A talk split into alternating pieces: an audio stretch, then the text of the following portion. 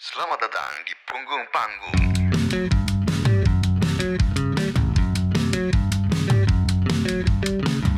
Uh, Oke, selamat malam teman-teman. Uh, selamat datang di live stream persembahan Sounds from the Corner juga Gorde Club. Uh, bertemu lagi dengan gue, salah satu moderator pada acara hari ini yaitu Pram. Tentu saja gue akan didampingi kembali oleh Teguh Wicaksono dan ada uh, Dimas juga di belakang layar sebagai tim operator dari acara ini. Selamat datang di acara Punggung Panggung. Ini adalah pair dari acara kemarin Tes Tes Plus Plus. Tentu saja kita akan kedatangan kembali dari dua narasumber yang sama dengan hari sebelumnya, yaitu Rekti dan Batman ya, Rekti dari Sigit dan Batman dari uh, Goodnight Electric.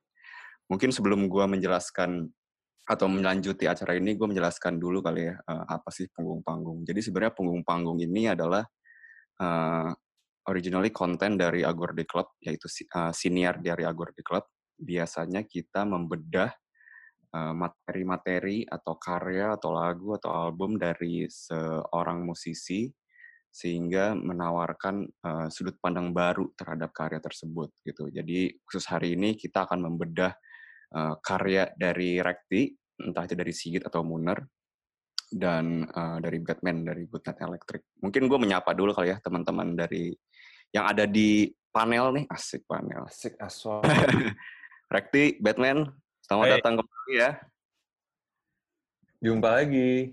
Jumpa lagi. Palitan. Sampai jam 12 nih kita. Sampai jam 12 siang kan. Kemarin sampai jam hau-hau tuh tuh jam 12 malam aja. Tiga jam ngobrol yang lama teman-teman terima kasih yang udah datang lagi. Kemarin udah nonton tes tes plus plus seru banget. Uh, Rekti uh, Batman gue dan Teguh kemarin membahas banyak sekali musisi dari Indonesia dan dari Jakarta Bandung ada dari Malang juga. Banyak sekali musik-musik yang uh, fresh dan bagus. Nah, hari ini kita akan fokus ke karya-karyanya Sigit dan uh, Goodnight Electric ya. Jadi dan gue juga mengingatkan ya untuk teman-teman yang mau nanya ke Rekti maupun ke Batman silahkan uh, drop uh, di kolom komen. WIB WIB coba cek tuh. Kan, it's apa tuh? ada lupa di mute. ada iklan ada iklan lewat. Endorsement. Ya, gitu. endorsement. Uh, paling gue mau ngobrol ke Teguh ya perihal um, QR code. Apa itu QR code? Yoi, jadi uh, kalau lo suka sama acara ini, di uh, layoutnya yang lo lagi lo tonton ada QR code, uh, itu untuk donasi via Saweria. Jadi karena kita ini ya, emang butuh duit, ya gitu. Butuh duit. Uh, jadi kalau teman-teman suka sama acara ini, bisa di, uh, berdonasi berapapun rupiahnya untuk mendukung Agor dan SFTC, atau Stasiun Panggung. Uh, jadi nanti biasanya um, frequently gue bacakan nama-nama um, teman-teman yang um, memberikan donasi. Donasi itu untuk untuk mendukung acara tes tes dan panggung-panggung ini. Seperti itu. Kemarin juga sampai jam 12 kita kelar tuh masih ada sekitar berapa ya 500-an orang gitu yang masih standby dan memberikan donasi. Uh, semoga hari ini juga teman-teman kalau suka sama obrolan ini bisa langsung berdonasi. Uh, mungkin gue mau mulai sebelum kita membedah lagu-lagunya, gue mau nanya ke Rekti dan Batman. Um, lo suka nggak sih ditanya-tanya soal karya? Maksudnya kalau ada orang ngulik yang kayak tanya-tanyain kayak, eh lagu ini tuh maksudnya apa sih? Lagu ini tuh maksudnya gimana sih gitu? Lo sebagai musisi, lo annoyed apa apa malah dengan sukarela menjelaskan gitu? Mungkin gue nanya ke Rekti dulu kali. Um, annoyed mah enggak, tapi lebih. Eh ini suara gue masuk kan? Masuk, masuk, masuk bukan yang merasa terganggu, tapi justru apa ya, su merasa sulit buat ngejelasin gitu. Karena kadang nggak uh, merasa nggak akan nyampe kalau dijelaskan dengan lisan. Karena juga gue nggak terlalu pandai ini ya bertutur kata yang konstruktif gitu sering kali nggak nyampe aja apa yang gue mau. Justru kalau, di, kalau dijelasin malah nggak nyampe ya? Uh, jadi bikin apa sih maksudnya gitu kan? Kan memang uh, kalau merasa terganggu enggak, justru malah merasa uh, ter apa ya tersanjung karena ada yang ingin mengetahui eh, ya entah prosesnya, entah ma- pemaknaannya gitu. Tapi justru kalau gue sih prefer yang dia menjelaskan dulu pemaknaan yang dia dapatkan misalnya. Oh ini liriknya begini ya maksudnya gitu. Dari situ baru bisa membuka obrolan dari dua sudut pandang gitu. Yang yang tidak diinginkan adalah hanya satu arah gue yang menjelaskan dan tidak sampai. Mungkin Make itu. sense. Batman, gimana Bat? Lo seneng nggak kalau ada yang nanyain, ini lagu lo maksudnya apa sih gitu? Ya, se- eh, nggak nggak terganggu sih. eh justru ya sebenarnya menjawab pertanyaan itu sebagai juga bagian dari pertanggungjawaban si seniman atau artisnya.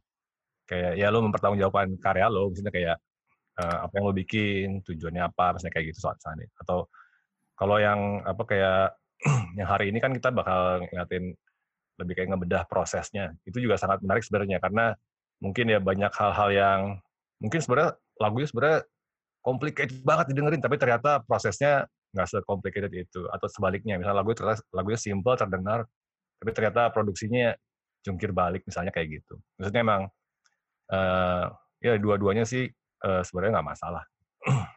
Yang masalah tuh kalau tanya apa sih good night electric itu artinya apa sih? Iya. kapan sih berdirinya gitu kayak waduh gitu kayak ya. Kayak Oh, pertanyaan, lo eh, pernah nggak dari sisi penanya gitu, misalnya Rekti atau Batman lagi ketemu di backstage atau di, ada di situasi apa pun yang kayak anjing nih idola gue, gue suka banget lagu ini, lo nyamperin orang terus lo ngulik karyanya gitu spontaneously, pernah nggak? Dan kalau pernah bisa di-share nggak dikit sama kita? Enggak Mungkin dari, Rek- dari Rekti. Gue yang nyamperin orang Iya. nggak gue mengidolakan gitu misalnya Iya. nggak sih Nggak, nggak pernah ya. beneran Kenapa? kayak mm, yang yang ya contoh pernah ketemu Graham Coxon gitu Hmm. lagi ngantri bareng mau ngambil badge-nya South by Southwest ngantrinya bareng di depan gue dianya pura-pura mikirin nanya lagu ya iya sih Apa aja sungkan ya. pasti pengennya foto ya kan Kapten foto dong bang tangan tangan Pas foto timer handphonenya. ya. Right. Atau gak sosok, bang kuncinya Park Life, tapi habis itu selfie. Bat Batman nggak pernah nggak pernah ya Bat? enggak sih ya sama lah kayak Rati. maksudnya kayak misalnya kalau ketemu seandainya gitu ketemu idola gitu sih misalnya saya Sofia Lacuba nggak mungkin pasti langsung pengennya langsung foto bareng sudah. Nggak mungkin nanya- nanyain teknis. Pacaran sama Ariel gimana sih? Dia teknis itu maksudnya lupa lah pasti kan lu ng- ngelihat wah langsung. Iya. ya Starstruck ya. starstruck ya Tapi Misal kalau kalau mungkin kalau abis itu tiba-tiba karaoke terus udah udah settle bareng berdua baru dia ngobrolin lu kemarin ngerekam pakai apa sih Ci gitar lah asik asik gitu Kalau dulu fotografer, Nikon apa Canon sih? Dan berapa gimana, gimana, Bro? kalau posisinya dibalik gimana? Jadi eh, kalian akhirnya mengetahui eh, behind the scene dari karya-karya idola kalian gitu. Itu apakah menjadi eh, privilege kalian atau kalian lebih memilih enggak sudut pandang gua lah. Menurut gua karya itu eh, hanya benar menurut sudut pandang gua gitu. Atau kalian lebih memilih tahu eh, di balik layarnya gitu. Batman mungkin. eh dikasih tahu gitu Heeh. Kayak di breakdown gini lah gitu posisinya. pasti seneng sih itu kan maksudnya kayak ya maksudnya jadi ada pengetahuan gitu kan dari dari, dari sebuah karya karyanya gitu jadi kayak ya kalau gue sih happy happy aja sih maksudnya tapi sebenarnya eh kalau gue sih personal lebih kayak eh, penasaran sama sama gearnya sih kayak device-nya apa kayak gitu Misalnya kayak Hmm. ya tapi kan sekarang kan kayak, kayak gampang lo tinggal buka apa sih itu kayak misal lo pengen tahu Kevin Shield gitu maksudnya pedalnya apa kan ada kan tuh di websitenya apa sih namanya equipment apalah Hmm. Eh, lu- lupa gue tahu nggak sih ti tahu tahu gue ya kan Ka- ada website yang kayak lo misalnya pengen tahu pedal boardnya si siapa gitu Kevin Ya. Parker tinggal buka gitu ada kan. Terus yang detail banget banget sampai kayak misalnya album pertama tuh si Kevin Parker bisa pakai gitarnya ini amplinya ini kayak lengkap detail Hmm. ya akunya kalau bisa ngobrol berdua langsung sama orang sih pasti seru banget sih Hmm. Rekti gimana Rekti? Seru sih kayaknya. Be- dan ya pernah mengalami mm, ngobrol saya sama siapa ya pernah ngobrol. Ya pas Shot Seven ke sini dikasih disuruh interview sama media Bandung gitu. Jadinya ngebahas lirik lagunya Shot Seven misalnya. Hmm. Ternyata apa yang gua tangkap selama ini beda maknanya gitu. Ya maksudnya pencerahan baru juga kan. Hmm. Terus yang ngobrol sama Kevin Parker juga pernah. Jadinya ya, oh ternyata lo begini ya, begitu ya. Jadi apa ya? eh sudut pandangnya jadi bukan jadi fanboy lagi kalau udah ngobrolnya ke sana jadi malah lebih ya berguru bisa jadi semacam berguru dan malahan lebih seru menurut gue sih Hmm. apa ya dikala mengidolakan seseorang itu kan masih di di di angan-angan aja apa yang mereka lakukan gitu di tapi setelah diobrolin ternyata oh mungkin gue juga bisa coba gitu ada Hmm. ada apa ya, segi positifnya jadi jadi men-trigger diri gue untuk mencoba sesuatu yang baru berdasarkan obrolan misalnya Hmm. Oke, oke, oke. Menarik ya. Mungkin kita langs- langsung ke ini kali ya. Pembedahan lagu pertama nih. Dari Boleh, boleh. dari Batman dulu kali. boleh boleh Akan ingin project apa Batman Di hari ini. share screen. Eh, ya. jatah dua lagu nih ya untuk ngebedah. Mungkin eh, lagu pertama dari eh, yang ada di album Misteria kemarin yang baru rilis. Ini judulnya Saksikan Akhir Dunia Denganku. Anjing panjang banget. Eh, jadi gue ceritain sedikit sebenarnya pas lagi proses bikin materi baru tuh eh, sebenarnya nggak banyak menggunakan demo-demo lama gitu. Jadi eh kan sempat kemarin gue bilang kan gue banyak banget apa demo gitu yang di hard disk gitu. Jadi pas lagi Misteria tuh kayak setengahnya tuh gue digging lagi apa eh, materi-materi demo yang pernah gue bikin dari yang semi misterius sampai yang cuman nyanyi di handphone doang kayak gitu. Karena gue sering kayak kalau lagi cuman main-main synthesizer gitu kadang-kadang suka gue rekam terus gue nyanyi. Nah itu suka gue buka-buka suka ada yang uh nyampah banget lah. Ya personal banget sih emang. Terus eh, tiba-tiba nemu satu lagu gitu. Gue juga gak tahu kapan direkamnya mungkin 2-3 tahun yang lalu kali ya. Terus gue dengerin tapi emang kayak anjing ini lagunya gelap banget ya maksudnya. Kenapa gue pernah bikin lagu ini terus eh, cuman potongan depannya aja sih terus akhirnya gue dengerin eh, mungkin bisa kali ini di gue gue gue selesain gue aransemen ulang lagi untuk eh, masuk ke Good Night eh masuk masuk ke albumnya Good Night gitu Hmm. Waktu ngerekam kalau gue tuh kalau ngerekam lagu tuh ya rekam aja gue nggak tahu nanti bakal jadi apa jadi Good Night jadi Freaky Freaky atau jadi apa gue nggak tahu pokoknya rekam aja dulu nah ini nih bener-bener materi yang buka ya Silakan dulu. Eh, salah ya? Oke.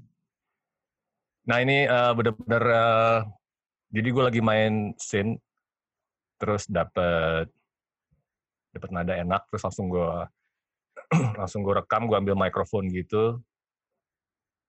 Eh, judulnya best part lagi. Nah, ini cuman buat ini aja sih buat.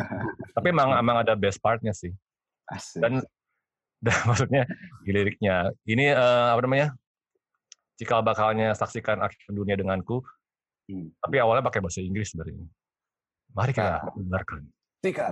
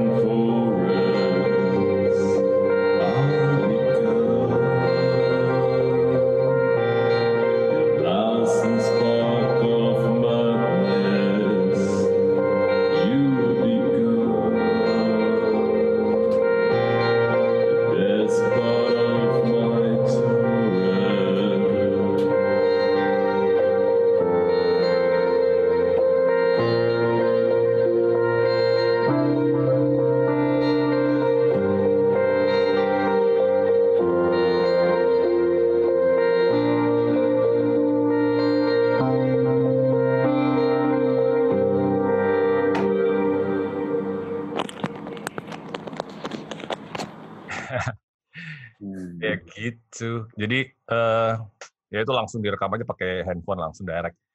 Itu dua Ini- tahun apa? Ini tahun berapa, Bet, ininya? Maksud gue, eh, lo bikin rekaman ini, ini tahun ini, tahun lalu, apa kapan?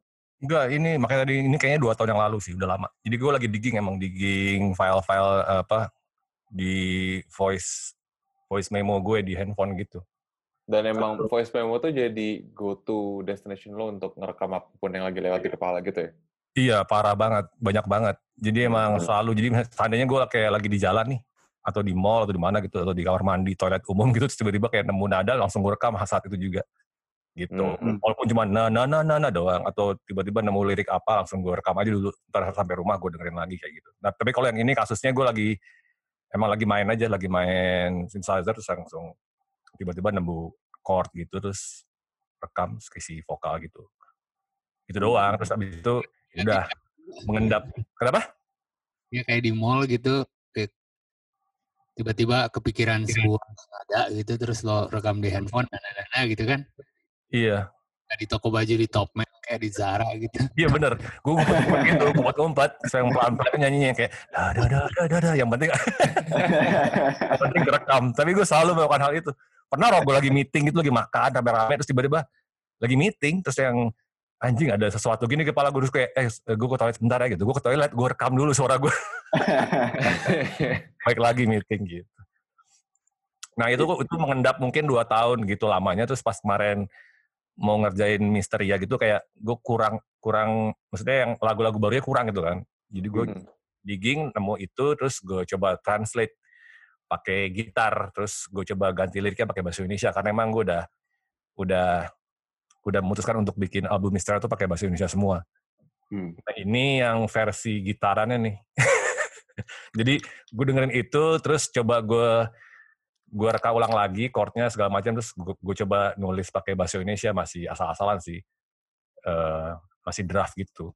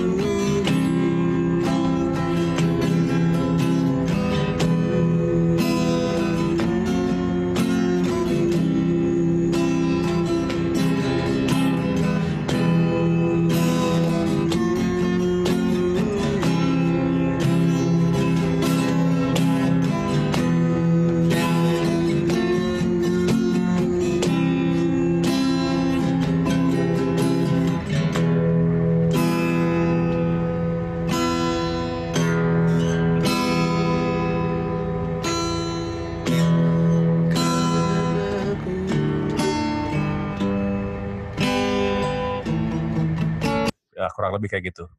Selebihnya udah. Gue boleh nanya nggak? Eh, itu kan materi dua tahun yang lalu ya. Dan dari semua arsip-arsip lo, kenapa lo nyangkut sama lagu itu untuk Misteria? eh eh eh, ini salah satu nyangkut karena beda kayak lain sendiri gitu. Jadi pas gue dengerin digging banyak banget yang kayak lagunya happy happy amat sih. Maksudnya kayak beberapa itu kayak yang ini kurang, ini kurang, ini kurang. Terus tiba-tiba pas yang ini kayak ini gelap banget. Bisa nggak ya? Terus makanya gue gue rework lagi pakai gitar gitu kan. Terus gue ganti liriknya pakai bahasa Indonesia untuk meyakinkan gue. Maksudnya ini eh, mungkin nggak gitu di, di, dimasukin ke Good Night. Terus akhirnya habis gitaran gue tulis liriknya sama struktur lagunya. Terus baru gue gue gue bikin di DAW gitu. Hmm. Gua, eh, ini ada demo yang kayak gue bikin strukturnya sampai habis gitu lah. Hmm. Dan lirik yang lirik bahasa Inggris yang di awal, Mm. itu ter- mempunyai makna yang sama dengan lirik yang final di bahasa Indonesia yang di album nggak? Apa itu Mirip, mirip. another thing beda lagi temanya? Mirip sama sama sama. Jadi kayak yang tadi kan bahasa Inggris sana, you and I such a perfect darkness. Dan oh, sama kan, langsung tuh ya? iya kau dan aku adalah kegelapan. Cuman Nah, lanjut lagi yang sempurna gitu di belakang. Oh. Google Translate kayaknya. Tai males banget Google Translate. Eh ya udah habis itu udah habis gue tulis liriknya segala macam sama partnya. Gue atau nih yang ini liriknya udah fix atau belum tapi ini udah di DAW udah pakai segala macam. Tapi masih masih demo guide gitu untuk workshop sama anak-anak.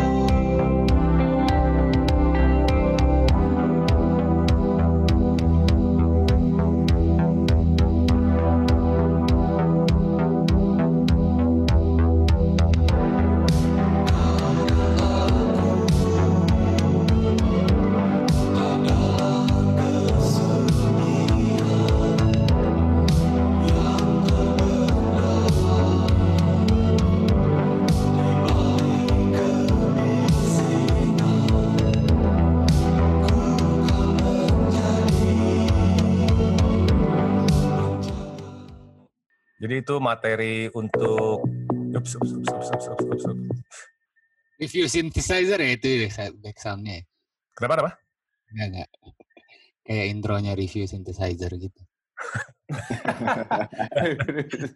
Jadi itu materi setelah habis gitaran gue rekam lagi untuk materi workshop gitu. Jadi semua tuh masih masih gue yang ngerekam sendiri lah kayak gitar masih gaet aja gitu kan. Karena kan gue nggak fasih banget main gitar. Jadi kira-kira kayak gaetnya kayak gini. Jadi pas abis gue ketemu sama si Hans, kayak gini-gini Hans gitarnya kayak gitu. Jadi ntar dia ngisi gitu segala macam.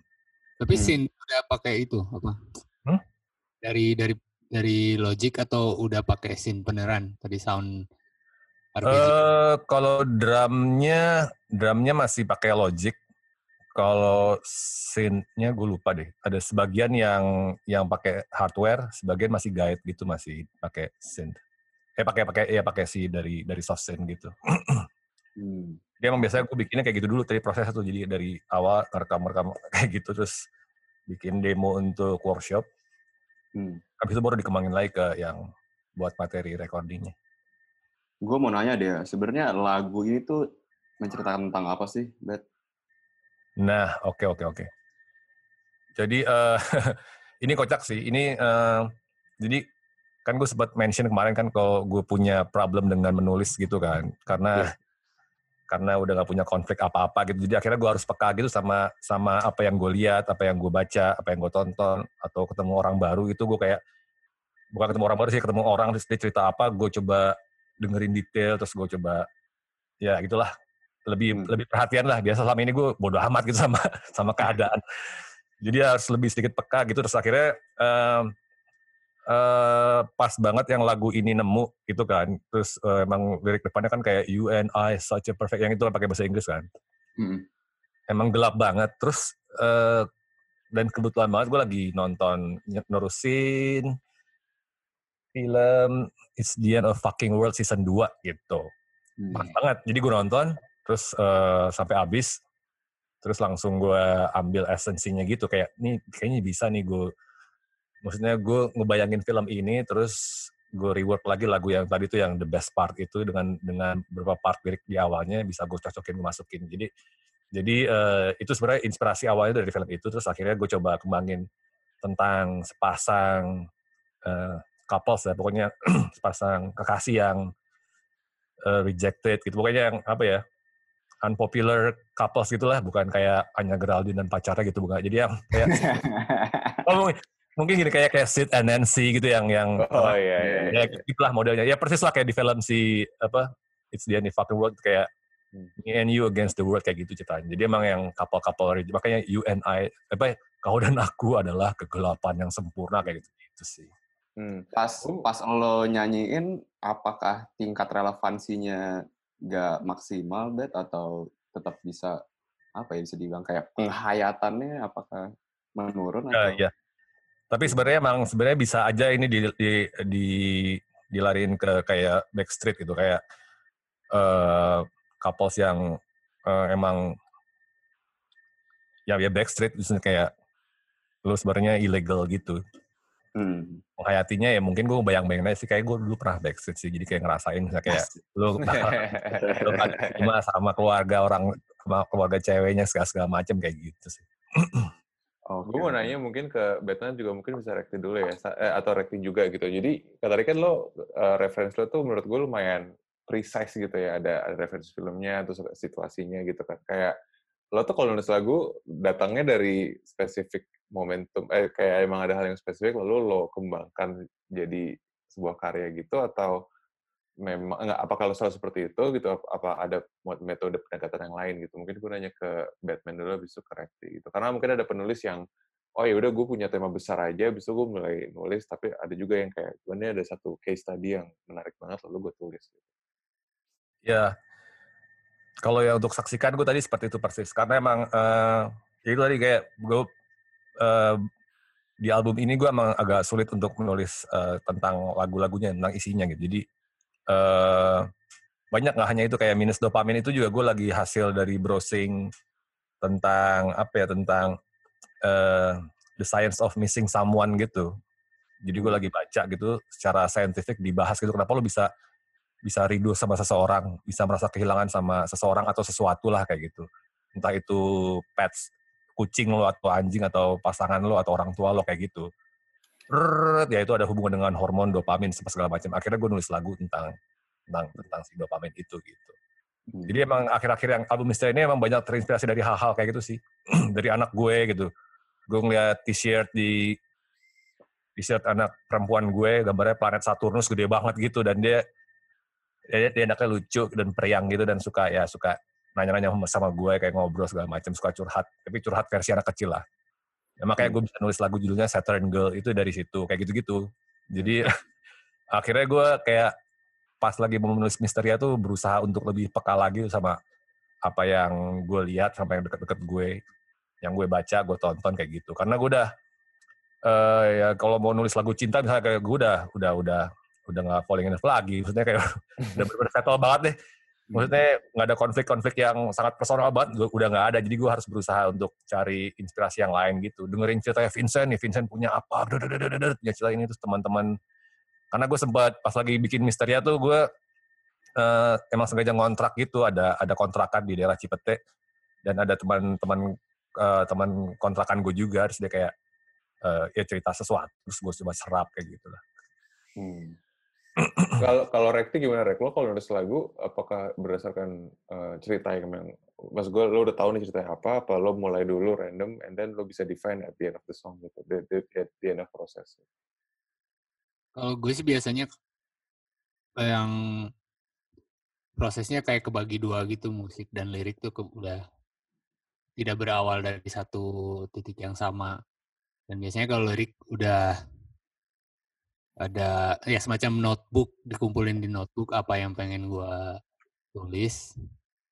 Dan bentukannya belum mengarah menjadi lirik hanya notes atau cerita atau semacam diary mungkin.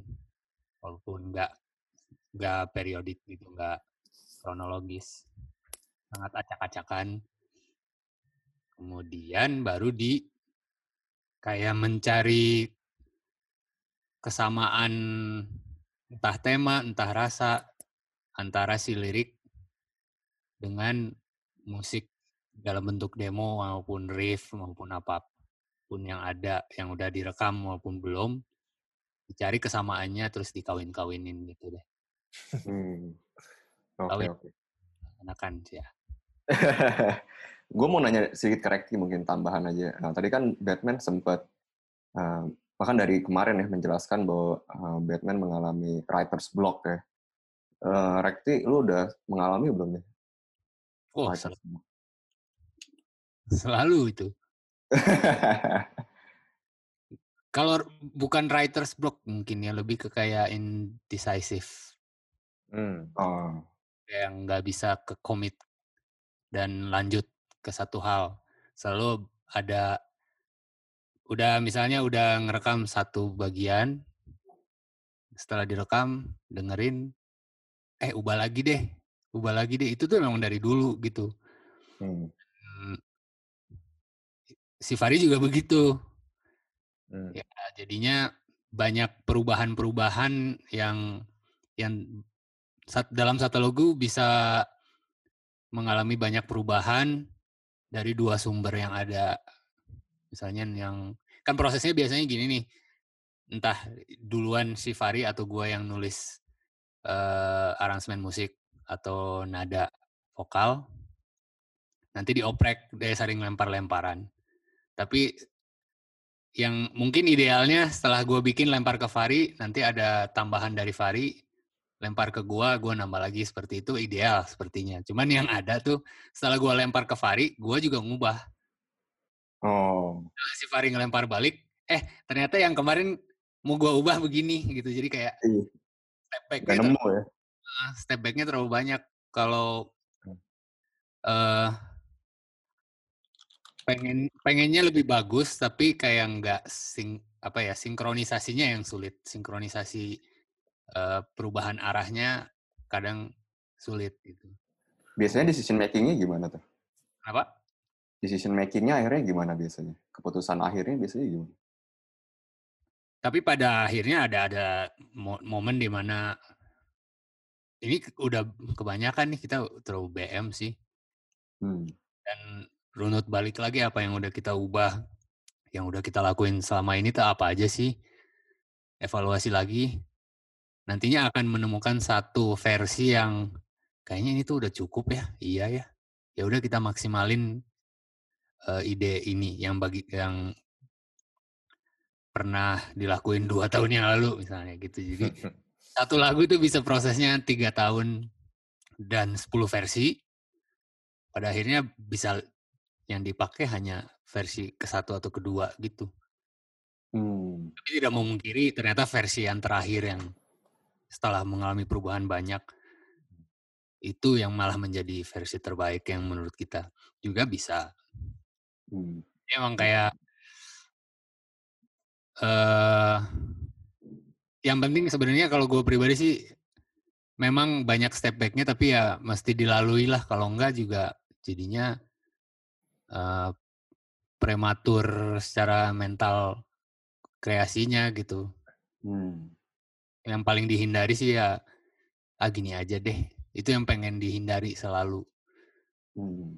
Kalau ada keraguan mending jangan dulu coba godok lagi, godok lagi, godok lagi gitu. Oke, oke, oke. Nah, silakan gue. gue ada pertanyaan buat Batman nih dari yang nonton. Eh, cuman mungkin gue mau nanya dulu Batman. Ma- eh, Bet, si saksikan mau ada di eh, mau diputar lagi apa udah Eh, dari saksikan? Masih sih yang, yang versi DAW-nya mas sudah mulai masuk ke tahap eh, udah selesai recordingnya. Jadi masih yang apa? Project, Hmm. project terakhir recording. Kita mungkin bisa ke situ dulu kali ya, habis itu baru kita Ya, lanjut. boleh. Oh gitu. Oke oke Yes. oke. Oke, jadi setelah tadi C, di bikin demo untuk workshop bareng Suara teman-teman, langsung penyiar gitu. Oke. setelah membriefing Vincent, Andi Hans, Bondi dan Om Leo, akhirnya kita merekam materinya sedikit banyak yang dirubah-rubah juga dikit, masukin instrumen-instrumen baru. Eh, apa? Iya ya, ini ini project recording jadi belum di mixing, tapi ha- kira-kira kurang lebih hampir sama sama- lagu yang udah di album. Kurang kenceng nggak sih?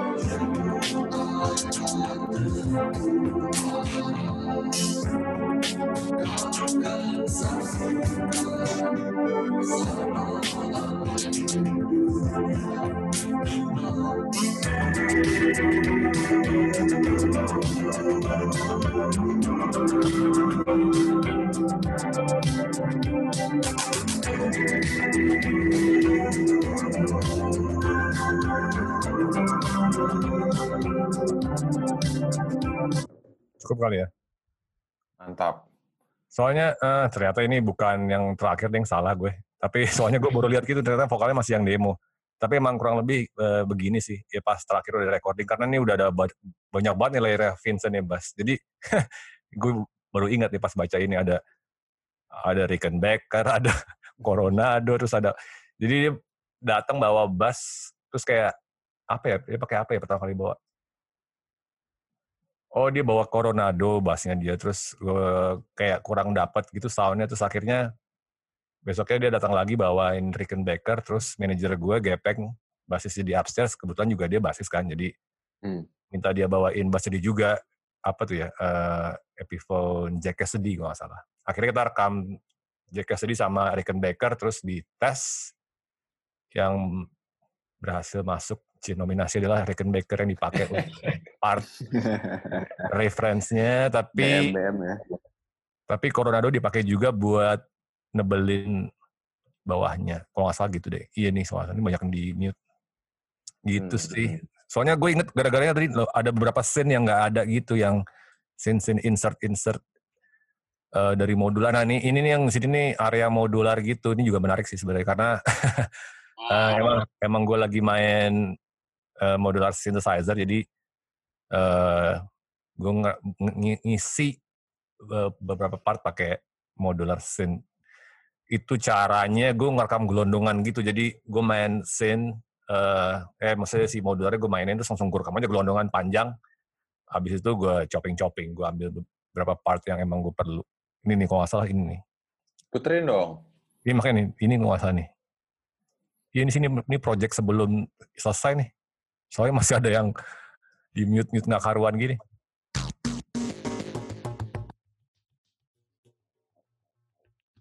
Ya ini rekam gelondongan aja nih, modular. Ngoprek, ngoprek, ngoprek, ngoprek.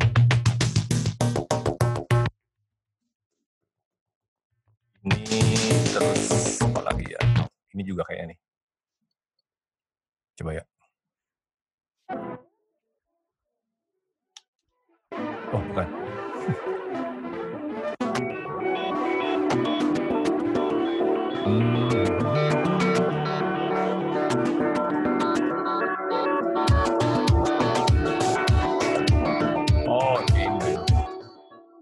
Ini kok nggak salah nih. Sebenarnya ada sih di project lain memang gue kan gelondongan-gelondongan terus baru gue import kemari. Ini salah satunya juga nih.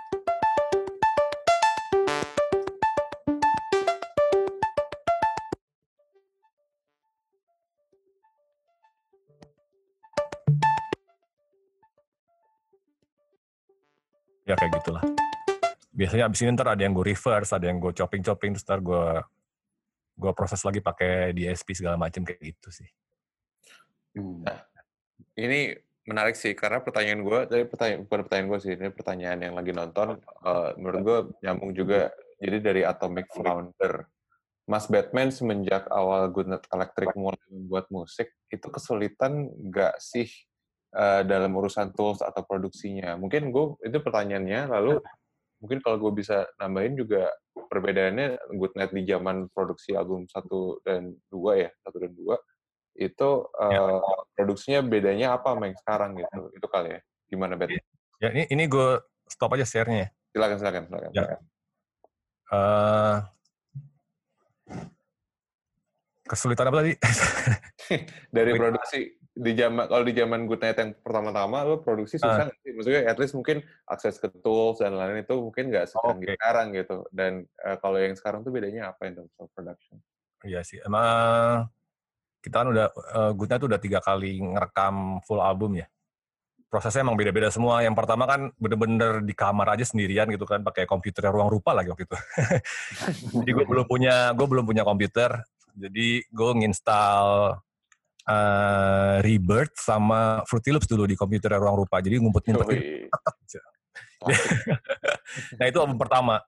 Eh tapi eh, karena gue nggak punya kemampuan untuk mixing, jadi eh, mixing tetap di studio di sama sama rooftop sound sama Hmm. Agi. Dendi dan kawan-kawan. Ya itu mereka waktu itu masih kayak masih belum banyak kerjaan gitu, jadi kayak masih mau gitu bikinin mixing. Sekarang kan gila scoringnya parah. Film-film ya. Scoring film, iya, jadi boro-boro mau mixing lagu. Ya dulu jadi eh, semuanya biasanya bikin di dulu benar-benar computer base nggak ada nggak ada hardware sama sekali kecuali oh mungkin ada kayak dua persen lah untuk vocoder gitu sama sama vokal. Selebihnya semua eh, pure dari dari software. Kalau album kedua itu udah mulai eh, setengah-setengah hardware dan dan software juga. Itu juga udah punya komputer sendiri. Karena album kedua tuh Good Night udah menghasilkan uang. Jadi mampu, mampu punya mampu punya studio sendiri. Bukan studio sih kayak Guna tuh dulu eh, ngontrak satu kamar di ruang rupa di lantai atas bareng sama White Shoes. Jadi ruang rupa di bawah di atas ada White Shoes sama Good Night gitu. Terus eh, kita nyimpen semua apa alat musik di sana semua sama eh, pokoknya kayak base campnya lah. Nah kita juga ada punya komputer terus kita recording album kedua tuh di situ. Tapi karena kan kita kan recording kan mostly kan synthesizer kan jadi kita nggak perlu nggak perlu todong mic segala macam nggak nggak perlu ampli. Jadi semuanya direct langsung. Eh, tapi tetap kalau vokal kita sewa studio lagi yang proper. Dan mixingnya juga tetap sama si Agi juga waktu itu sama sama rooftop sound gitu. Ini Roro masih di Tebet berarti ya? tebet bener. Masih tebet bener. Oh, oke, oke, oke. terus Menarik, kalau menarik. yang yang ini yang ini udah jauh beda lagi sih. Yang ini yang yang yang ini lebih apa ya sebe- sebenarnya basically masih sama sih cara kerjanya. Misalnya kayak gue bikin semua di rumah dulu terus cuma paling bedanya sekarang punya ya kayak DAW-nya proper udah nggak bajakan lagi. Ya, DAW-nya udah resmi official beli terus kayak ya punya sound card yang proper segala macam terus eh, ya scene yang gue perluin eh, bisa bisa dicapai lah semua segala macam gitu. Dan selebihnya eh, ya baik lagi kalau kalau perlu untuk recording eh, vokal gitar segala macam kita eh, eh, studio lagi yang lain gitu yang proper ngomongin perbedaan sekarang, Bet. Sekarang kan eh, bisa dibilang Good Night berenam ya, tambah tiga lagi gitu. Iya. Itu eh, juga memengaruhi gak sama proses kreatifnya?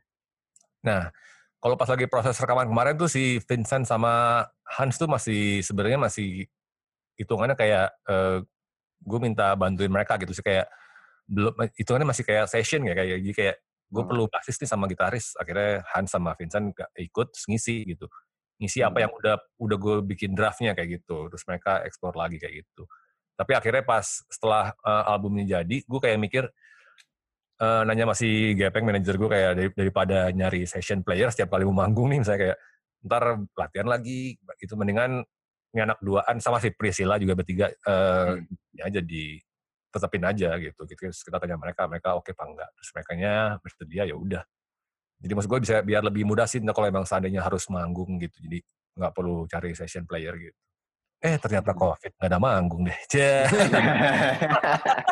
Pesan sponsor. eh Iya. ternyata ada Apa?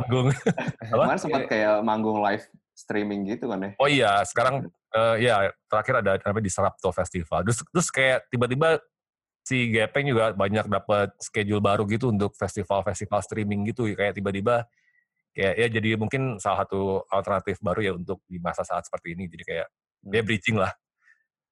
Hmm. Ini tadi ada komen dari mau nggak Riz Am I Robot teknologi Electro Boy booming di warnet warnet pada zamannya. Woi. Iya.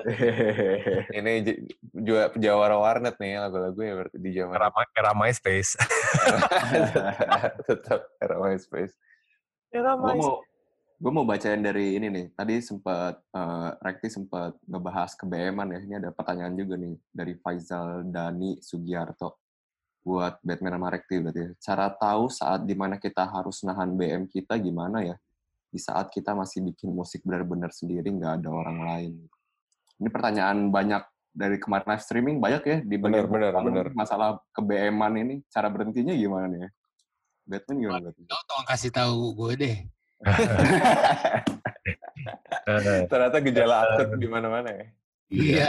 Sebenarnya ya pentingnya produser gitu sih di satu album gitu. Apalagi kalau produsernya sebaiknya jangan dari bandnya apa ada ada ada terlibatan produser lain gitu lah. Jadi eh, tugasnya dia bisa ngerem atau ngasih masukan lah biar biar biar proyeknya cepat selesai sebenarnya kayak gitu kan. Tapi kalau kalau gue sebenarnya yang Misteria ini eh ada deadline gitu. Jadi kayak anjing ada deadline ya. Tapi bener dulu waktu karena kan gue ada ada kerjasama sama sama sama agregator kan jadi gue harus emang harus rilis tanggal sekian sekian sekian jadi ada deadline istilah kayak gitu. Tapi eh, baru kali ini emang gue bikin album dikasih deadline kayak tugas kuliah. Tapi eh, menurut gue malah jadi eh, bener sih maksudnya jadi gue harus kerja on time terus harus benar-benar semuanya. Kayak dulu tuh nih kayak waktu ini pelajaran juga sih dari dulu kan abis tahun 2007 album kedua tahun 2010 itu kita mau rencana untuk bikin album ketiga sebenarnya Good Night. 2010 udah bikin demo banyak terus nggak kelar berantakan deret udahlah. Pokoknya akhirnya tuh akhirnya moodnya hilang bubar terus gue kayak pengen kabur dari Good Night Electric gitu terus yang ya itu salah satu yang tadi banyak BM apa segala macem yang nggak puas ini kurang itu kurang ini akhirnya nggak selesai terus gue udah buru moodnya hilang gitu. Jadi eh, mungkin pas kemarin ngerjain misteri yang dikasih deadline jadi kayak ada ya gitu kayak lo harus benar-benar nyelesain ini dan harus lo fixin mau nggak mau harus jadi kayak gitu sih. Mungkin ada bagusnya juga dan enggaknya juga sih. Atau ya eh, cara lain adalah ya itu lo harus ada produser yang bisa nge-guide lo untuk menyelesaikan eh, materinya. Di luar band ya. iya iya. Tahu di situ. ada, ada dua kan ya? Sorry sorry sorry. Alat apa lagi tuh? Baru beli. ah, bukan bukan bukan bukan alat itu HFF Records kerjaannya Memang sing-sing baru. apa galau gila Kalau lo gimana Rek? Me- me- ini ya, me- menanggapi ke BM-an musisi. Menurut gue juga gak tahu ya, gue ngomong sama beberapa musisi justru dikasih deadline tuh malah iya iya tapi sebenarnya enggak juga gitu. Kalau Rekti gimana lo? Cara menanggapi ke BM-an gimana Rek? Kebetulan gue belum pernah punya deadline sih. Mungkin akan baru mulai nih. Salah satu yang akan mengingatkan jadwal adalah Felix yang ada di belakang. Kayak eh, Cuman kayaknya ya, kayaknya kalau gue sih BM memang wajar sih. Mau dalam bidang apa pun pasti ada BM. Iya benar. Berkarya pasti ada BM-nya. Cuman kalau yang perlu diingat BM sama membedakan BM sama ngayal kali. Kayak itu ya ya, pa- pada awalnya semua yang ber- mulai berkecimpung di yang ngeband, main musik atau ngerekam dan producing itu pasti mengalami Bentar ya. tahap-tahap ngayal lah pasti. Salah satu contohnya ya mungkin yang paling klise tuh suara drumnya pengen kayak gimana, pengen kayak Zeppelin gitu. Cie. Terus ya itu BM, BM. Hmm. Misalnya, ya udah beli Ludwig lah. Gitu. Langsung gak jadi BM. Ya, tapi ya kan itu BM kan. Oke, Iya. beli Ludwig. Ada duitnya, ada belilah gitu. Tapi BM BM itu akan nyampe di tahap ngayal kalau misalnya tidak bisa dicapai. Ya ngayal kalau misalnya lu udah nggak pengen kayak Zeppelin soundnya tapi nggak punya duit buat beli kit yang sama dengan John Bonham, main lo nggak sama kayak John Bonham, alat merekamnya juga nggak sama sama John Bonham, itu udah tahap ngayal sih. Hmm. Jadi kayak kalau gue sih untuk menahan BM supaya tidak jadi ngayal ya balik lagi gue sebisa apa sih misalnya Hmm. aduh suara vokal gua kok gini ya padahal gue pengennya kayak Rod Stewart gitu ya ngayal udah. ya udah sadari diri aja udah suara gua mah gini berarti ya udah segini cukup berarti Jadi sebenarnya ada tahap acceptance juga ya. Oh, gue tuh bisanya segini doang. Jadi antara BM normal tapi jangan sampai ngayal gitu ya. jangan sampai ngayal udah udah tahu diri tahu diri ya acceptance itu harusnya eh menemani BM kamu deh gitu Hmm. Oke. bagus, oke. bagus, bagus, bagus. Eh, tidak terasa sih sudah satu jam ya, baru satu lagu. Oh.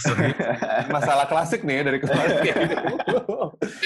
Eh, kayaknya kita harus maju ke lagunya Rekti selanjutnya. Cuman tak jemu-jemu gue mengingatkan kalau teman-teman mau donasi ada QR code di situ. Jadi donasi ini fungsinya adalah untuk mensupport uh, gue dan SFTC untuk program tes-tes dan em, punggung panggung. Kita udah ada di episode ke-8 atau ke-9 gitu gue udah lupa. Cuman uh, along the way kita punya QR code ini emang kalau teman-teman pengen mengapresiasi acara ini, kalau teman-teman suka, berapapun itu donasinya akan kami terima dengan lapang dada. Tadi gue bacain dan udah ada nih yang beberapa. Em, bentar. Em, Asep, katanya lanjut terus acaranya. Terima kasih. Wah, baru satu itu ternyata.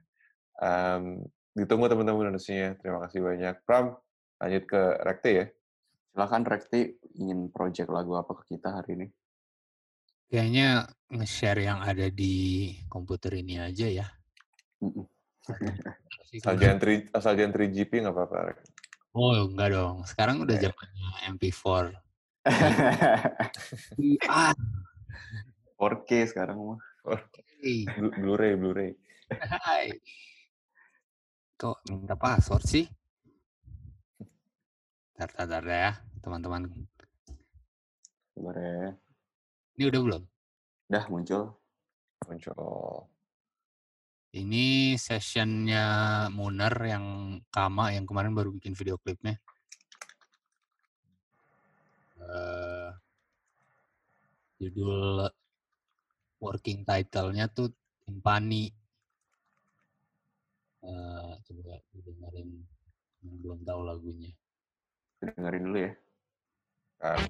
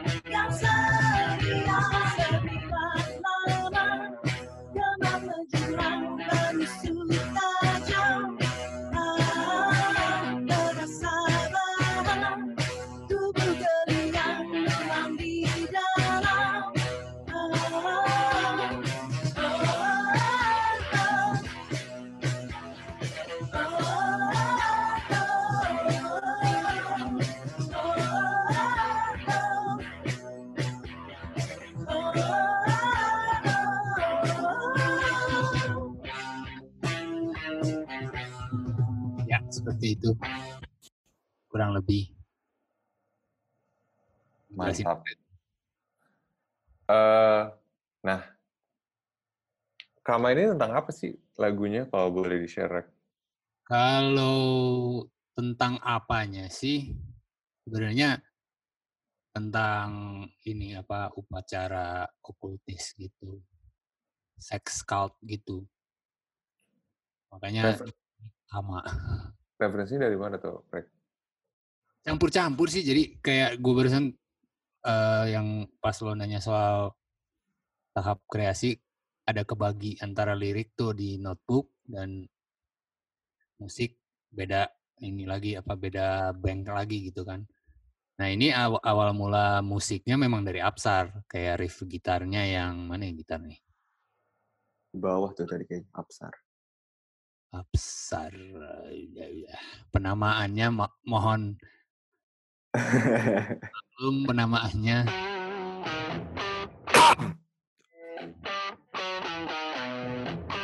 ya biasanya Upsar datang dengan rekaman handphone berisi riff-riff gitar seperti ini gitu. Kemudian eh dari situ baru kayak bareng-bareng nyari vokalnya untuk Sheila Hmm. ada nada nada nadanya dulu kayak ya biasanya kita gonjreng-gonjreng gitu. Setelah itu baru yang biasanya sih gue kayak kayak men- mencoba meresapi nada yang dihasilin. Ya kan upaya ko- kolaborasi kan. Eh, jadinya ide idenya coba gua petik dari energi yang dihasilin bareng-bareng lah kasarnya. Hmm. Dan biasanya yang gua dapetin itu yang jadi tema. Mau dibawa ke mana arah liriknya misalnya. Hmm. Dari situ baru buka notebook gitu. Eh, dari kotretan-kotretan kata-kata yang gue punya di notebook, eh, kira-kira apa yang bisa nyambung ya ke eh, nuansa yang dibangun sama hasil gonjreng-gonjreng bareng ini gitu dan pada saat itu gue merasa nada-nada yang dihasilin yang oh ini tuh kayak apa ya eh kayak agak primitif gitu ngerasanya Hmm.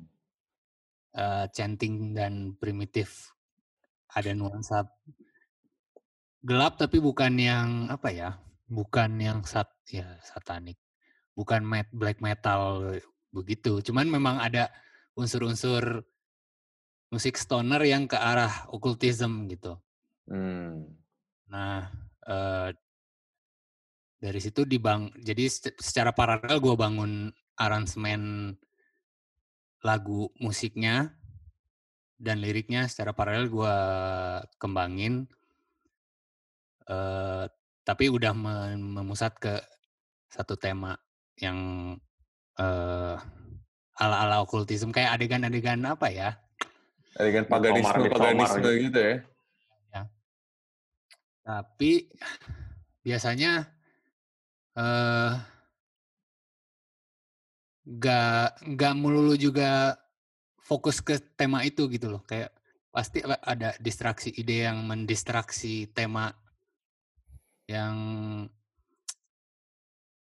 ya tema tema okultisme itu kan yang tema ga- garis besarnya tema Hmm. garis besar itu akan terdistraksi oleh celutukan-celutukan sesehari saat melakukan proses ini dan Hmm.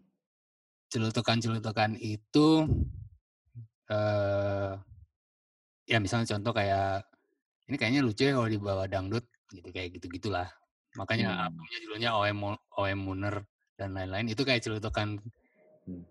eh, kita berempat saat lagi ngumpul-ngumpul nah di situ ya bertambah lagi eh pengen nambah apa ya nih, pengen BM-BM-nya muncul nih BM-BM-nya kayak gue pengen ada timpani deh gitu Ya itu gue tadi mau nanya tuh, kayaknya segmen rhythmic-nya menarik ya, karena judulnya Edit Timpani. Gue juga tadi ada, baru baru gue ngeliatnya baru ada dung-dungnya tuh baru kedengeran tuh kayaknya. sebenarnya agak terlalu tersembunyi pas mixnya eh gue tidak berhasil membuat timpaninya apa ya semegah film cowboy spaghetti western. Mungkin bisa diperdengarkan kali Rek timpaninya ke kita-kita nih.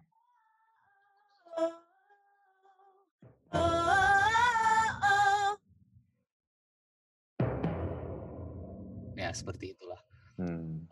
Cuman yang gua tangkap dari apa ya sound timpani itu tuh eh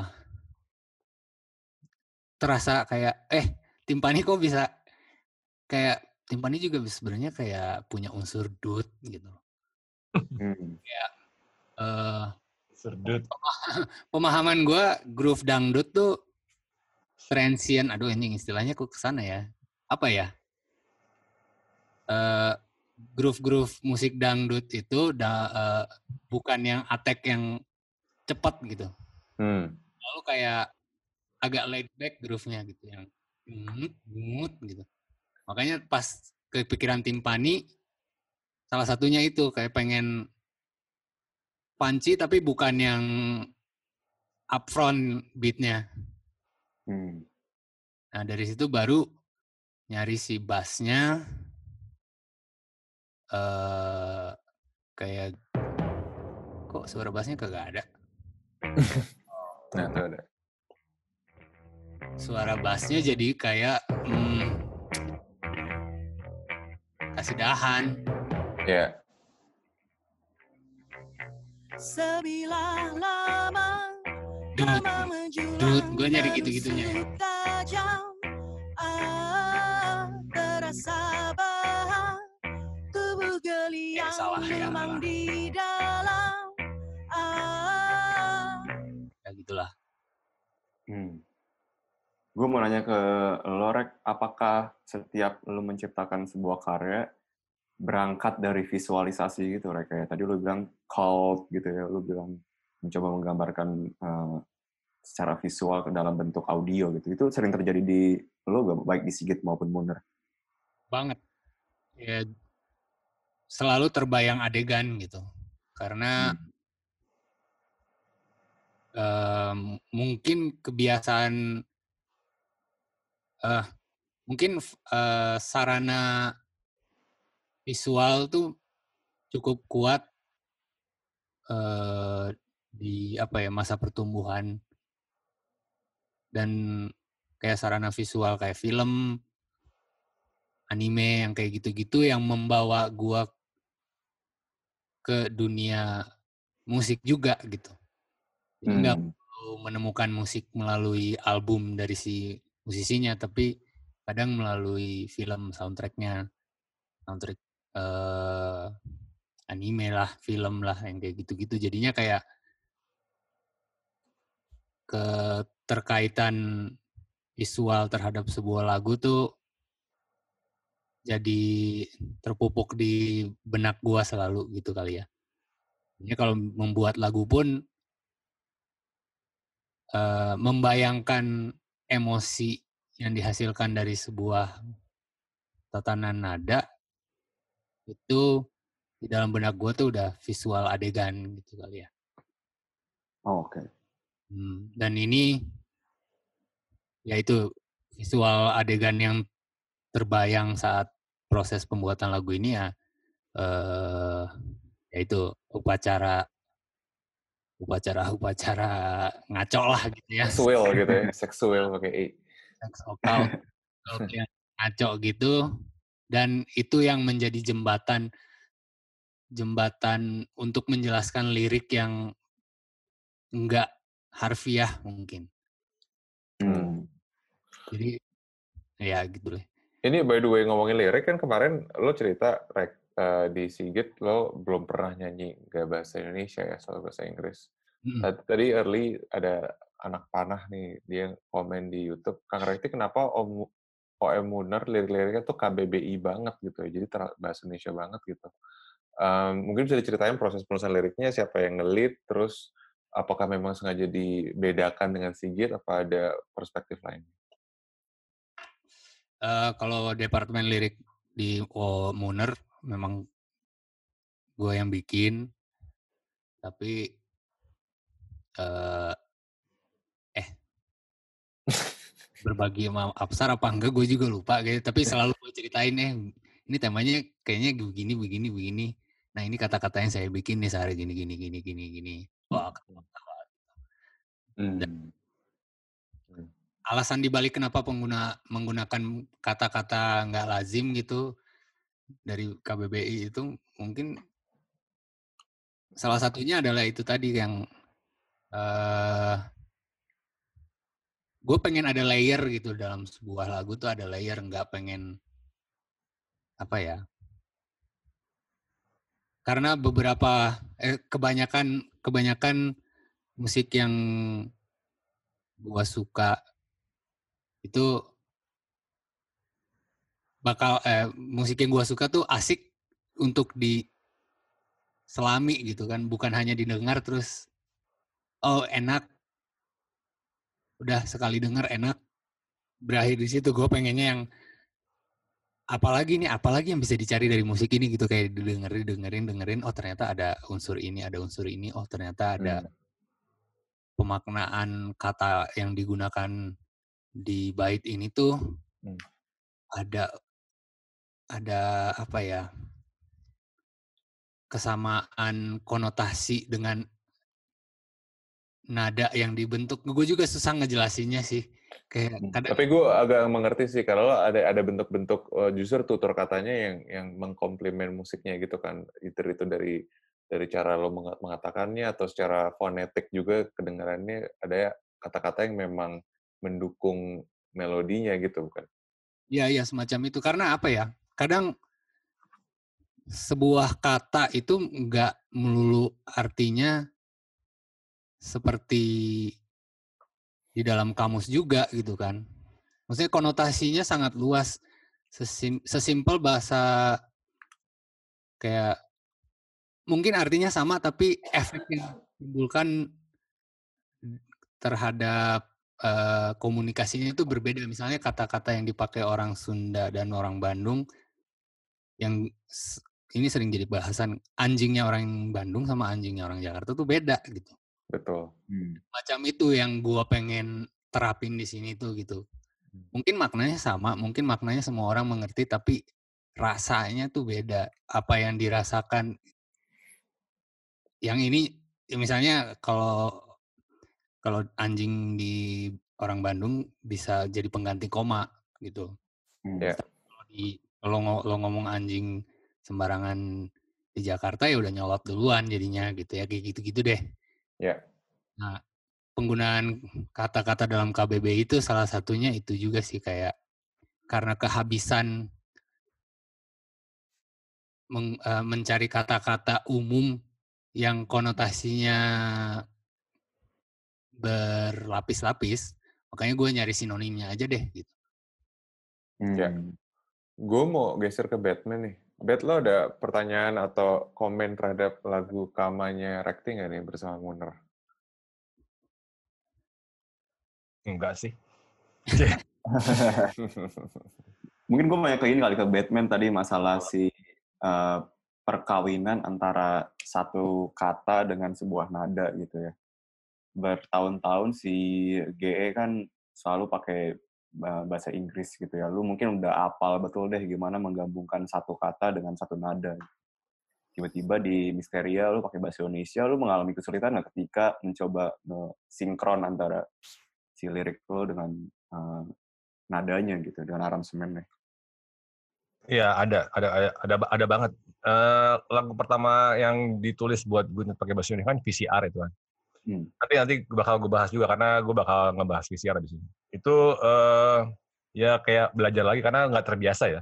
Gue belum terbiasa nulis lagu pakai bahasa Indonesia. Tapi pernah emang sebenarnya gue bikin frigi frigi. Tapi kalau kalau frigi frigi itu kayak kasusnya beda banget sih. Kayak di situ tuh gue kayak seperti kemarin gue bilang nggak ada batasan banget di frigi frigi dari genrenya, terus liriknya, temanya tabrak lari banget deh. Jadi kayak eh, bodoh amat. Tapi kalau di Good Night gue nggak bisa kayak gitu, nggak nggak bisa seliar di frigi frigi. Jadi pas nulis eh, lirik, eh, gue terus eh, jujur sih gue kesulitan dalam bahasa Indonesia gitu. Akhirnya eh, hitungannya sih kayak VCR tuh baru belajar banget. Jadi kayak gue tiba-tiba punya gue download KBBI aplikasinya, terus gue selalu buka rima kata, bener kayak si seperti aja nyari sinonim yang yang tepat aja, maksudnya biar nggak gimana caranya biar nggak terlalu klise untuk nyampein sesuatu yang pengen gue sampaikan, tapi eh, masih enak dibawain dengan suara gue, dengan tone gue, terus sama lagunya Good Night kayak gitu. Gue tuh berusaha banget untuk seperti itu biar nggak terdengar klise gitu sih. Bobek banget sih. Gue mau balik ke Rekti. Eh, tadi kan eh, lu sempat ngebahas proses di Sigit ya. Biasanya bermuara dari lo sama Fahri gitu. Kalau di Muner tuh apakah lo dan Absar bisa dibilang hal yang sama atau lebih ke berempat kalau di Muner? Sama. Prosesnya. Sama prosesnya hampir sama kayak gua sama Fari. Sama Absar juga eh cara lagu memang berdua dulu gitu. Hmm. Jadi eh, bikin landasan untuk supaya bisa bermain berempat gitu. Karena beberapa kali mencoba metode jamming itu tuh nggak menjadi sebuah lagu. Mungkin jadi kayak jamming 20 menit gitu. Tapi apakah itu layak untuk diperdengarkan kepada halayak? Itu jadi tanda tanya besar. Memang formulasinya harus mendekati ke apa ya? Macam radio friendly yang 3 menit 4 menit gitu. Jadi kayak kayak selalu berusaha lagunya yang penting jadi dulu kalau durasinya mau diperpanjang ya di belakangan daripada eh, noodling gak karuan. Karena ya itu kalau kalau mau jamming salah satu bekal bekal untuk memulai jamming memang harus rasa ya udah chemistry-nya sama dulu gitu. Saat bermain tuh semuanya moodnya harus eh, bareng semuanya on gitu. Hmm. sering kali kan nggak nggak sesederhana ayo ngejam langsung enak makanya Hmm. memang lebih baik nih ada sketchnya seperti ini mari kita warnai bareng gitu lah semacam itu Gue mau nanya ke Rekti, kan ini project yang datang belakangan dari Sigit gitu ya, berapa tahun setelah Sigit gitu. Dan gue kalau dengerin dua albumnya pasti tentunya langsung notice uh, perbedaannya. Tapi sebenarnya areanya sama gitu ya, uh, secara genre, generalnya gitu lah ya sama. Lo punya koridor jelas nggak untuk mendifferentiate treatment lo gitu? uh, untuk memastikan ini nggak overlapping antara project lo yang pertama Sigit terus yang baru gitu. Walaupun kalau kita denger outputnya ya kita bisa ngeliat bener nih entitas yang berbeda daripada Sigit gitu. Cuman kalau dari lo sendiri lo punya uh, pengingat atau yang kayak oh gue nih mau areanya di sini gitu. Dan kalau ada boleh share ke kita nggak sih sebenarnya apa aja tema-tema yang mau lo bedakan gitu antara Sigit sama Munar? Gua rasa sih yang paling membedakan itu karena adanya Sheila sih. Dan itu salah satu alasan utama kenapa kit- eh, kami ngajak si Sheila untuk mengisi vokalnya. Karena tanpa bermasuk seksis memang sudah berbeda perempuan dan laki-laki gitu. Dan dinamikanya langsung berubah. Hmm. Siapa pun yang bikin lagunya kalau dinyanyikan oleh laki-laki dan perempuan udah pasti berbeda emosi dan dinamikanya gitu. Menurut gua ya. Nggak nggak nggak eh, itu ya semacam disebut kodrat dan kod kalau suara perempuan itu membuat telinga kita membeli respon yang berbeda terhadap eh, daripada kita mendengarkan suara laki-laki. Jadi mungkin pembedanya jelas dari genre gender sorry gender. Oh ya gender, oke. gendernya kayak mungkin kalau di segitu udah maskulin. Mudah-mudahan tidak toksik kalau Muner tuh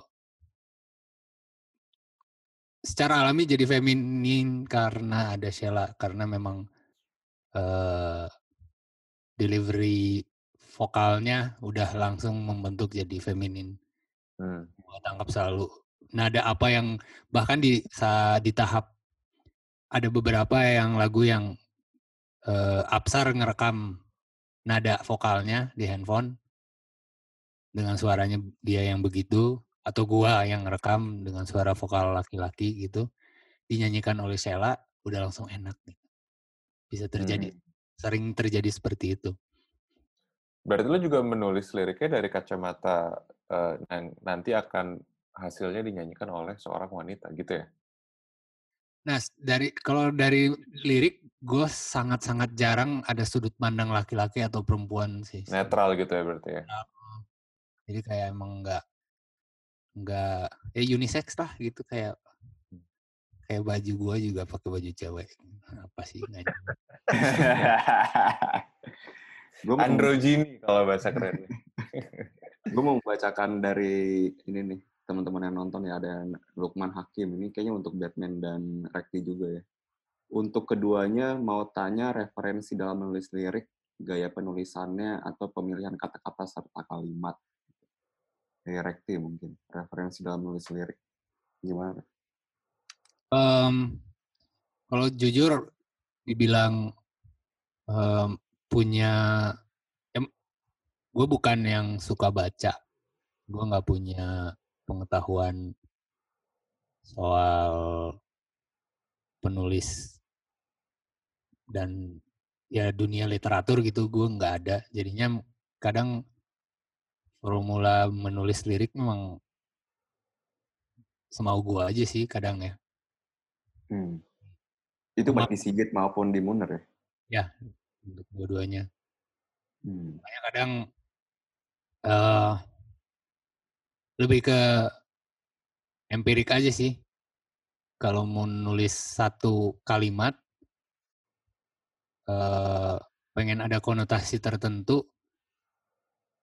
biasanya gua ngerumusinnya berdasarkan eh empirik gua di kehidupan sosial berkomunikasi. Kan ada ya kalau misalnya kita bersosialisasi, berteman dengan beberapa apa ya? Lo suka ngerasa nggak sih kalau misalnya punya tongkrongan banyak nih, Mhm. gaya bahasanya beda-beda gitu dan punya kayak insider joke dan bla bla blanya gitu. Nah, tapi semacam ada keseragaman dari gaya berbahasa orang-orang. Nah, hal-hal seperti itu yang coba gua terapin ke lirik kayak misalnya apa ya? Agak gua gua nggak nggak nggak bisa ngejelasin dengan jelas. Harus dipikirin dulu. Cuman kalau di lagu ini misalnya sebilah ada kata sebilah lamang gam- gemang menjulang gitu kayak. Itu kan peng- udah mah kata-kata memang kata-kata yang arkaik sih. Itu udah Iya. jarang dipegang. lamang itu pedang eh, pedang pendek.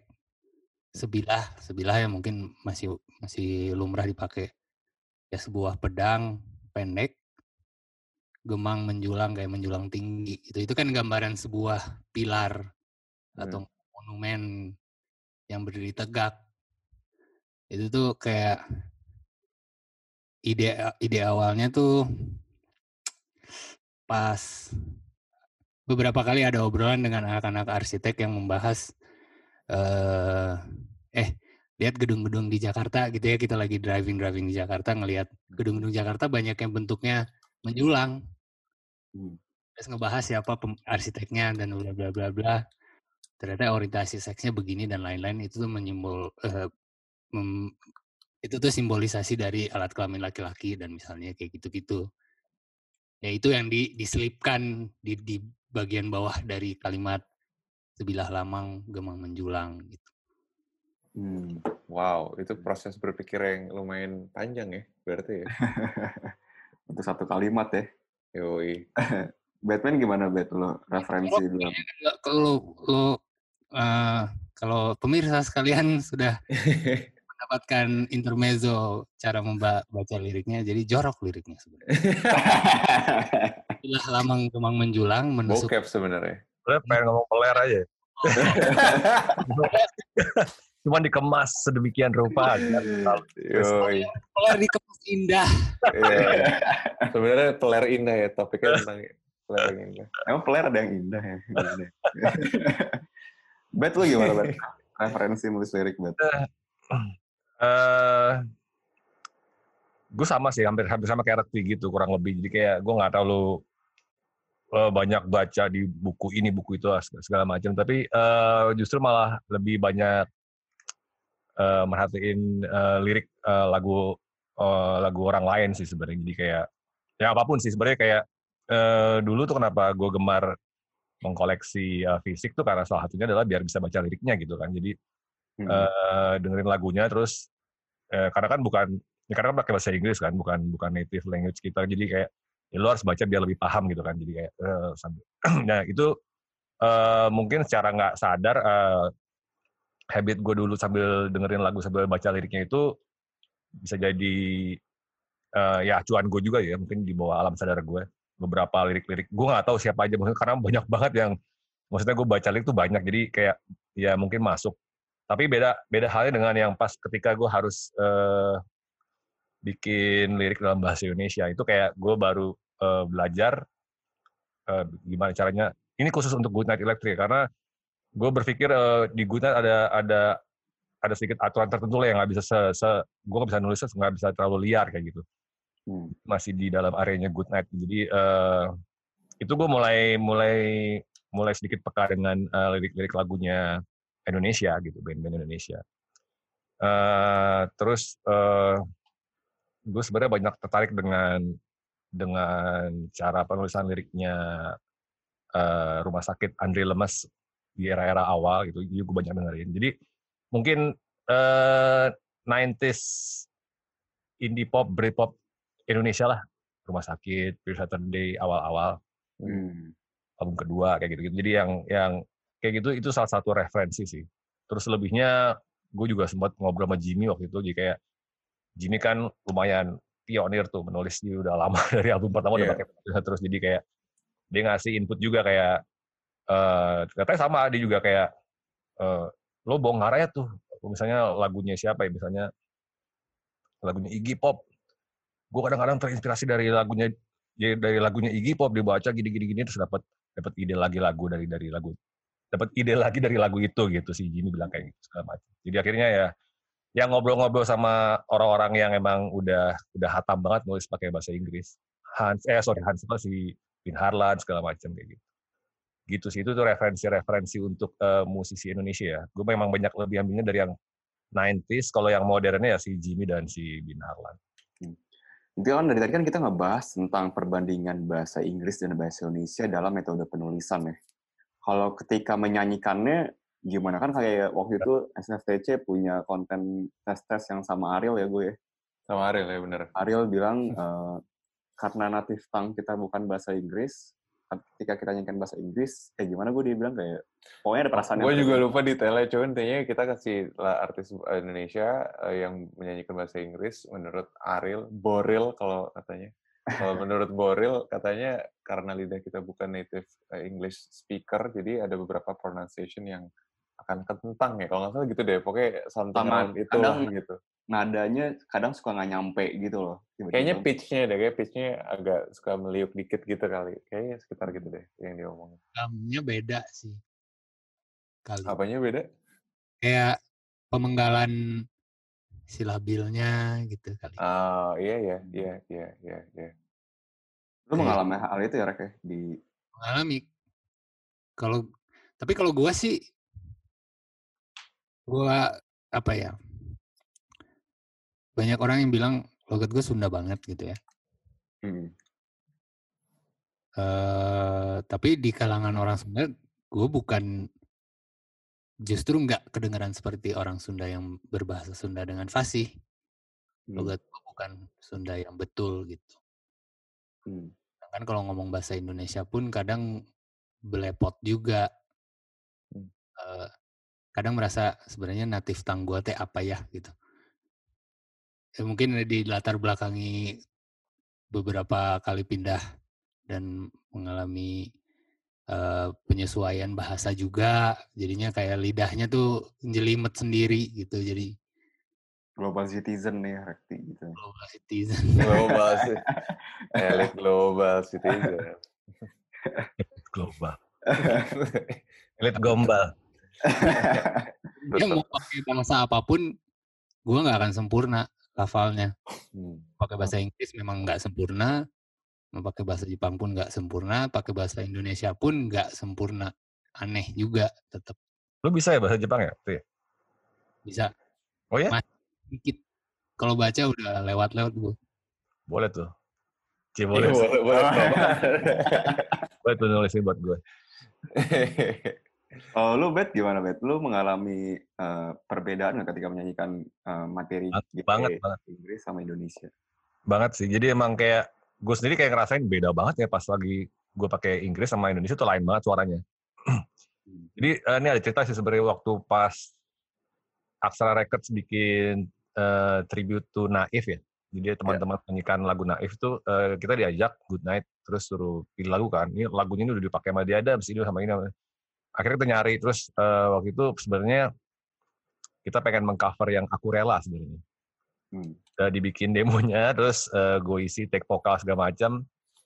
Pas didengerin kayak kayak kita ber- berempat nih gue Om Leo sama Gepeng sama Bondi terus kayak anjing kok jadi kayak jadi kayak vokalnya T-X gini bet suara lo bet kayak kayak apa vokalnya T-X tuh Eh, lupa gue pokoknya jadi Tresno, Tresno. iya Eh, Tresno kok iya. jadi kayak suara Tresno gini kayak ya juga kayak gue mikir abis itu gue kayak langsung nggak pede gitu akhirnya di akhirnya ganti langsung akhirnya padahal kita udah bikin lagunya udah dari aransemen terus akhirnya aji ya.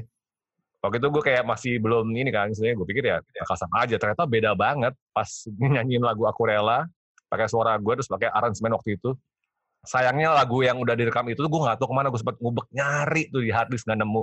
Padahal kalau ada tuh rare banget sih terusnya bisa jadi arsip yang baik banget. Saya kayak anjing kayak tip X akhirnya oh anak ketawa ketawa ketawa anjing ganti apa? Udah gak cocok bet gak cocok bet gitu kan anak udah akhirnya ganti lagu. Akhirnya kita cari lagunya Naif yang pakai bahasa Inggris yang which is cuman ada dua lagu kalau salah dan itu ada di album pertama. Akhirnya kita mengcover Just Be gitu pakai bahasa Inggris. Udah akhirnya ya udahlah aman akhirnya gitu. Makanya pas terakhir kemarin eh, ngerekam VCR itu sebenarnya eh, gue workshop berkali-kali untuk ngerekam suara gue gimana caranya biar dapat yang eh, enak pembawaannya karena bener-bener pertama kali ngerekam lagi gitu buat Good Night pakai bahasa Indonesia VCR tuh kayak dengerin anak-anak kok kayak gini ya? Kok, kok gini sih? Kok gitu? Akhirnya rubah lagi rubah lagi gitu Eh, untuk lagu VCR tuh pertama kali berapa kali rekam gitu suara gue. Tes dan tes gaya gini tes gaya gitu. Apakah harus mendesah? Apakah harus ditekan banget? Apakah low-nya gue harus gue keluarin banget? Apakah harus berpower? Kayak gitu gitu berubah banget semuanya. Semuanya nyanyi mendekat kayak banget ya. Apa? Biar nggak tresno tresno banget. Iya sih, tapi itu mungkin juga tergantung sama nadanya ya, sama nada lagunya juga sih. Makanya nyari nyari yang tepat, waktu itu formula untuk Good Night pakai bahasa Indonesia tuh agak lumayan nggak gampang sih, nggak simple gitu, berkali-kali gitu. Tapi lu udah merasa nyaman belum Bet sekarang? Setelah saat nyari? ini udah dan ya bah- bahkan sekarang gue ada udah ada 10 materi baru lagi yang mungkin Agustus sudah mulai recording lagi. Mantap. Mantap. Jadi kayak bener-bener nyaman di Indonesia gitu sekarang. Jadi kayak maksudnya kayak ya itu kan native language jadi kayak lu lebih gampang aja untuk untuk ya numpahin apa yang pengen lu ceritain. Cuma bedanya sekarang eh ya gimana gimana cara bikin lirik yang enak sama sesuai sama good night terus juga ya cari sinonim-sinonim yang nggak terlalu klise kayak gitulah. Hmm. Makanya gue orang kerjanya buka KBBI sama Rima kata, rima kata penting banget sih. Jazz Badudu style nih ya. yang rhyming rhyming gimana kadang-kadang soalnya gue gini kayak ini ada di kepala gue nih gue pengen nulis tapi kok nggak masuk masuk terus ya apa ya akhirnya gue eh, mungkin ngeliat dari kalimat sebelumnya nih dari kalimat yang lirik sebelumnya yang udah ada terus gue cari rima katanya akhirnya tiba-tiba nemu terus kayak nemu missing pieces yang harus oh ternyata ini oke terus akhirnya lanjut nulis seru sih maksudnya kayak gue punya pengalaman baru gitu untuk untuk apa sih jadi ada ada gue punya cerita baru lah di album misteri yang kemarin kayak gitu Hmm. Oke, oke. Menarik sekali. Teman-teman, gue lagi-lagi mengingatkan untuk donasi eh, di QR code di layar yang lagi kalian tonton eh, bisa langsung di-scan dan ada beberapa cara donasi, ada Karya Karsa, ada Saweria, ada berbagai link yang bisa digunakan dan itu digunakan untuk eh, donasi untuk mensupport acara ini. Thank you semua yang udah nonton. Eh, Pram, kita, eh, oh by the way, Rekti, seputar Muner dan Kama, masih ada yang mau dibahas nggak? Satu dan lain hal. Apalagi ya? tadinya buka session ini di- dipikir ada suling, ternyata bukan lagu ini yang ada suling.